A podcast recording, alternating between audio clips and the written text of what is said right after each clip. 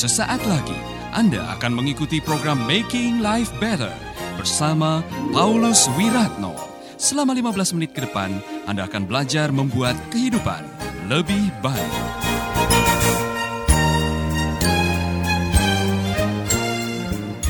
Baik, saya mau mengajak saudara-saudara untuk merenungkan satu hal yang mungkin ini berkat yang saya dapat dari buku mengenai apakah Anda seorang pemimpin. Bagaimana Anda tahu bahwa Anda punya benih kepemimpinan? Bagaimana saudara tahu bahwa wah, dia bisa jadi pemimpin yang baik? Bagaimana saudara tahu bahwa orang itu punya modal kepemimpinan yang baik? Kasih tahu jawabannya buat saya. Saudara lihat seseorang dan saudara bisa berkomentar, wow, dia ini pemimpin yang baik. Bagaimana Anda tahu bahwa Anda punya karakter seorang pemimpin? Karena karakter itu tidak bisa dilihat. Yang terlihat itu adalah perilaku kita yang pada akhirnya diterjemahkan dalam kehidupan sehari-hari. Tapi landasannya itu atau karakter seorang pemimpin itu seperti uh, bongkahan es atau gunung es atau iceberg yang di bawah itu lebih banyak daripada yang muncul kelihatan di atas permukaan air. Nah, saudara-saudara, saya menemukan saya akan berbagi dalam beberapa hari nanti mengenai kepemimpinan ini. Yang pertama, ini tolong dicek baik-baik. Apakah dia seorang pemimpin atau bukan? Ternyata tes yang paling baik, tolong selidiki hatimu. Seorang yang punya karakter kepemimpinan adalah seorang yang mendahulukan orang lain daripada dirinya sendiri. Think other first. Orang yang memikirkan orang lain duluan. Tidak selalu egois, memikirkan dirinya sendiri. Orang yang selalu memikirkan dirinya sendiri dan tidak mau memikirkan kepentingan orang lain, jangan harap Anda bisa menjadi pemimpin yang baik. Katakan amin. Saudara termasuk dalam golongan ini, kalau saudara ada sesuatu, apa yang Anda pikirkan? Anda suka memikirkan kepentingan orang atau selalu memikirkan kepentingan sendiri? Kasih saya contoh bahwa Anda adalah tipe orang yang paling senang mendahulukan kepentingan orang lain. Kasih tahu contoh dalam hidup saudara bahwa saudara pernah melakukan seperti itu dan lebih suka melakukan seperti itu. Kalau ada apa-apa yang dipikirin orang lain duluan. Suka menolong orang. Anda dapat hadiah nih. Anda dapat kelebihan atau Anda mendapatkan kesempatan yang luar biasa. Apakah mau disimpan untuk sendiri atau belum apa-apa sudah sudah mikirkan si A, si B, si C. Saudara tahu persis. Otak saudara tahu persis apakah Anda orang yang selalu memikirkan diri sendiri atau suka berpikir untuk menolong orang lain. Seorang pemimpin adalah orang yang mendahulukan kepentingan orang lain. Itu nomor satu. Amin. Kapan terakhir kali saudara mendahulukan orang lain? Di kantor orangnya tidak mau diganggu gugat. Pokoknya meja saya, ini kopi saya. Jangan diganggu ini. Ini milik saya. Orang-orang seperti ini jangan harap jadi pemimpin yang baik. Kalau Anda egois, tidak pernah mikirin orang, tidak pernah memikirkan kepentingan, kebutuhan orang, Anda tidak akan pernah menjadi pemimpin. Ini sangat basic, ini sangat mendasar, ini sangat penting buat saudara dan saya. Karena ada satu kasus di mana beberapa ibu dari murid Yesus itu pernah datang kepada Tuhan Yesus untuk berkolusi dan mengatakan, "Guru, nanti kalau engkau sudah sampai di kerajaan nanti, tolong saya titip anak saya ini. Kalau bisa kasih dia kedudukan." Ya kan? mau jadi menteri kayak, mau menjadi bupati kayak, mau jadi uh, yang penting saya minta tolong lah. Seperti orang tua orang tua yang lain ya, pengen supaya uh, dengan menggunakan hubungan uh, mendapatkan posisi kepemimpinan begitu. Apa jawab Tuhan Yesus? Siapa yang mau jadi pemimpin, dia harus melayani orang lain. Itulah yang namanya servant leadership. Servant leadership adalah pelayanan itu menjadi utama di dalam kekristenan, seorang pemimpin adalah seorang pelayan. Jadi kalau saudara tidak mau melayani orang lain, jangan harap menjadi pemimpin. Amin. Kalau saudara pemimpin ingin dimuliakan, ingin dihargai, ingin dihormati, saudara ingin diperlakukan istimewa oleh orang lain, saya pikir saudara bukan pemimpin, saudara adalah bos. Nah, bos dengan pemimpin beda. Kalau bos ingin dilayani, ingin diperlakukan istimewa, tidak mau menyentuh tanah ya, istilahnya seorang pemimpin down to earth dia mau melakukan bahkan hal-hal yang sepele mencuci kaki para murid melayani mereka itu yang dilakukan oleh Tuhan Yesus belajarlah menjadi pemimpin wah gengsi pak saya pemimpinnya di sini kalau saudara menggunakan kepemimpinan untuk hal-hal seperti untuk memuliakan diri sendiri salah alamat. Seorang pemimpin adalah seorang pelayan. Untuk bisa melayani engkau harus mendahulukan orang lain di benak saudara. Jadi seorang pemimpin, karakter pertama yang harus dimilikinya adalah dia mendahulukan orang lain. Yang kedua, ini penting sekali. Seorang pemimpin adalah seorang yang bisa dan senang memberdayakan orang lain. Senang melihat orang lain bertumbuh senang melihat orang lain menjadi maksimal, senang melihat orang lain mencapai tujuan hidupnya, senang melihat orang lain pada akhirnya berkembang dan bahagia dan bisa menjadi siapa dirinya yang seharusnya. Itulah pemimpin. Kalau saudara terancam dengan kelebihan orang lain, kalau saudara merasa, aduh, aduh, kok dia bisa lebih baik dari saya ya? Kenapa dia punya talenta yang lebih banyak? Kenapa dia selalu dipakai terus? Kenapa dia punya uang lebih banyak? Kenapa dia selalu dipanggil untuk melayani? Kenapa bukan saya? Oh, kenapa bukan saya, Tuhan? Kemudian saudara mulai menjelek-jelekan orang yang melebihi saudara untuk supaya saudara bisa dimuliakan. Itu bukan jiwa seorang pemimpin. Anda masih bersama Paulus Wiratno di Making Life Better.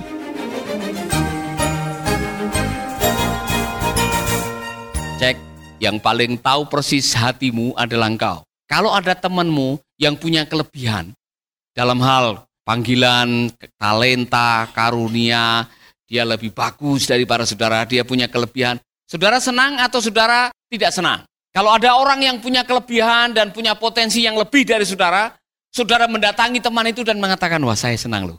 Kamu punya talenta ini, saya diberkati dengan talenta kamu. Atau saudara karena kamu ini jangan sombong. Ya kan? Baru begitu aja sudah sombong. Itu juga kan bukan dari kamu, itu dari nenek moyang kamu. Yang paling tahu hati saudara. Apakah saudara senang melihat orang lain berkembang? Ada yang punya pergumulan dengan itu? Saya ini Pak, kalau ada lihat orang lain lebih, kebetulan saya tidak bisa tidur. Saya kalau lihat ada orang punya keahlian lebih, gitu, saya rasa terancam dengan kelebihan mereka. Nanti kalau saudara sudah dalam pelayanan jadi hamba Tuhan, lihat ada hamba Tuhan dipakai Tuhan, jemaatnya berkembang, saudara yang tidak bisa tidur. Kenapa dia yang berkembang? Kenapa bukan saya? Oh pasti dia mengambil. Nah dengar baik-baik. Kalau ada orang dipakai oleh Tuhan lebih dari saudara, jangan pikir kelebihannya dia mengambil dari saudara. Kalau dia pinter nyanyi, jangan pikir karena dia mengambil talenta saudara. Kalau dia pinter berkomunikasi, jangan pikir dia mengambil ilmu komunikasi saudara. Kalau dia menjadi lebih kaya dari saudara, jangan sampai Anda berpikir dia mengambil rezeki saudara. Masing-masing sudah diberi bagiannya oleh Tuhan. Ada yang lima, ada yang dua, ada yang satu. Terimalah bagianmu dan kembangkanlah. Amin. Ini persoalan serius dalam kepemimpinan. Orang yang tidak menyukai kelebihan orang, jangan pernah berharap jadi pemimpin. Karena tugas seorang pemimpin ialah membuat orang lain maksimal. Kalau boleh membuat orang itu melebihi dirinya sendiri, itu baru pemimpin. Jadi kalau ada orang lebih, orang hebat, Jangan digosipin. Ini kesukaan orang yang tidak bisa melihat kelebihan orang lain. Kalau ada orang lain yang punya kelebihan, langsung untuk menentramkan dirinya sendiri, dia menjelekan orang itu. Salah, saudara-saudara. Apa untungnya saudara menjelekan orang yang belum tentu adalah kejelekannya? Karena ingin supaya saya bisa merasa lebih baik dengan cara menjelekan orang. Itu salah, salah sekali. Tertawalah dengan yang tertawa. Menangislah dengan yang menangis. Kalau ada temanmu diberkati, ikutlah berbahagia. Nah, persoalannya ialah kadang-kadang karena Anda iri dengan kelebihan orang, Anda tidak sempat melihat kebaikan orang itu. Yang dicari adalah kekurangannya. Itu kebiasaan orang yang iri. Orang yang iri selalu mencari kelemahan orang lain untuk menjatuhkan orang itu supaya bisa menentramkan hatinya. Kan salah. Ya kan? Saudara lihat ada temanmu pakai baju baru, kemudian pakai gelang yang baru, anting yang baru. Allah itu paling uang haram tuh. Itu saya tahu itu. Mama papamu tidak bakalan mampu membeli itu, ya kan? Itu uang haram, uang panas itu. Saya tahu. Saya lihat kemarin malam kamu pakai parfum baru. Itu parfum dari mana? Duit dari mana coba? It's not your business. Kalau ada orang diberkati, dia mendapatkan rezeki lebih, itu bukan urusan saudara. Itu urusan orang itu dengan Tuhan. Kalau orang itu mau menikmati apa yang dimiliki atau yang digenggam di tangannya karena itu berkat Tuhan, itu bagiannya orang itu. It's not your business. Amin. Berdosa dua kali. Udah iri, dua udah menjelekan orang, tiga salah. Bodoh. Makanya orang bebal mati karena iri hati. Ada ayatnya. The heart of leader. Yang pertama tadi, Anda tahu bahwa Anda punya karakter kepemimpinan. Nomor satu adalah saudara senang mendahulukan orang lain. Yang kedua, senang melihat kelebihan orang lain. Yang ketiga, rasa aman saudara tidak tergantung dari apa kata orang, tapi apa kata Tuhan tentang siapa saudara. Dengan kata lain, seorang pemimpin adalah seorang yang punya rasa aman. Dia aman dengan siapa dirinya sendiri. Dan dia tidak pusing dengan apa kata orang mengenai saudara. Kalau ada di antara saudara yang sibuk ngurusin apa kata orang mengenai siapa saudara, saudara tidak bisa jadi pemimpin yang baik. Karena seorang pemimpin pasti akan diomongin oleh orang. Tapi kalau saudara sudah punya rasa aman yang datang dari dalam, karena saudara tahu identitas siapa saudara, dari kebenaran firman Tuhan, saudara tidak akan pusing. Ya kan? Saudara belajar dari Pak Jokowi lah. Pak Jokowi itu mau diomongin dia Cina, PKI, baru bukunya difitnah lagi ada Jokowi undercover, dulu obor rakyat. Saudara dia diem aja kan? Dia tidak pernah membalas atau membuat pernyataan-pernyataan yang luar biasa. Karena dia tahu, dia punya rasa aman di dalam. Kalau saudara sibuk dengan apa kata orang, orang bilang, wah kamu pesek, oh kamu pendek, kamu jelek, kemudian saudara bingung, tidak bisa tidur, saudara gelisah, karena kata orang, Anda tidak akan menjadi pemimpin yang baik. Karena pemimpin itu pasti menjadi sumber. Saudara kadang-kadang sering menjadi sumber percakapan, sumber gosip. Apa aja akan dibicarakan. Bahkan saudara batuk, dia omongin batuknya. Besok sudah masuk di media, ya kan? Saudara ngomong salah sedikit, saudara dituduh menjadi penistaan. Kalau sudah jadi pemimpin, apa saja karena ada orang yang tidak suka dengan saudara, apa saja bisa menjadi buah pembicaraan. Sanggupkah saudara menghadapi semuanya itu? Amin.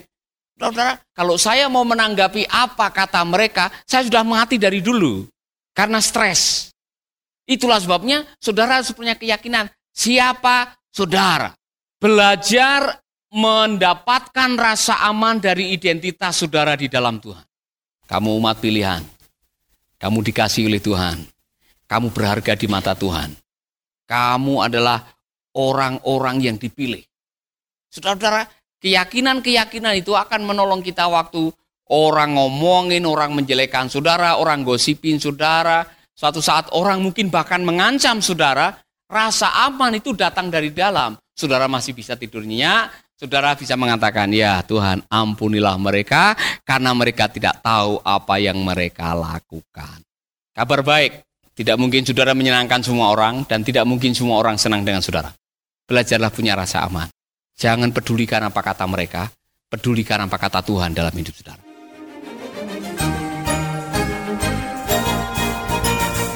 Baru saja Anda mendengarkan Making Life Better bersama Paulus Wiratno.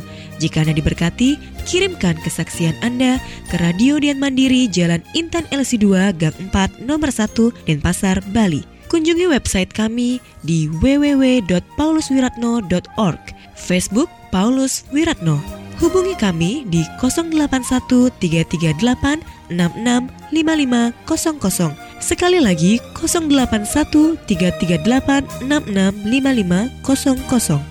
Terima kasih, Tuhan memberkati. Sahabat, Anda baru saja mengikuti program Making Life Better bersama Paulus Wiratno. Terima kasih atas kebersamaan Anda. Tuhan memberkati.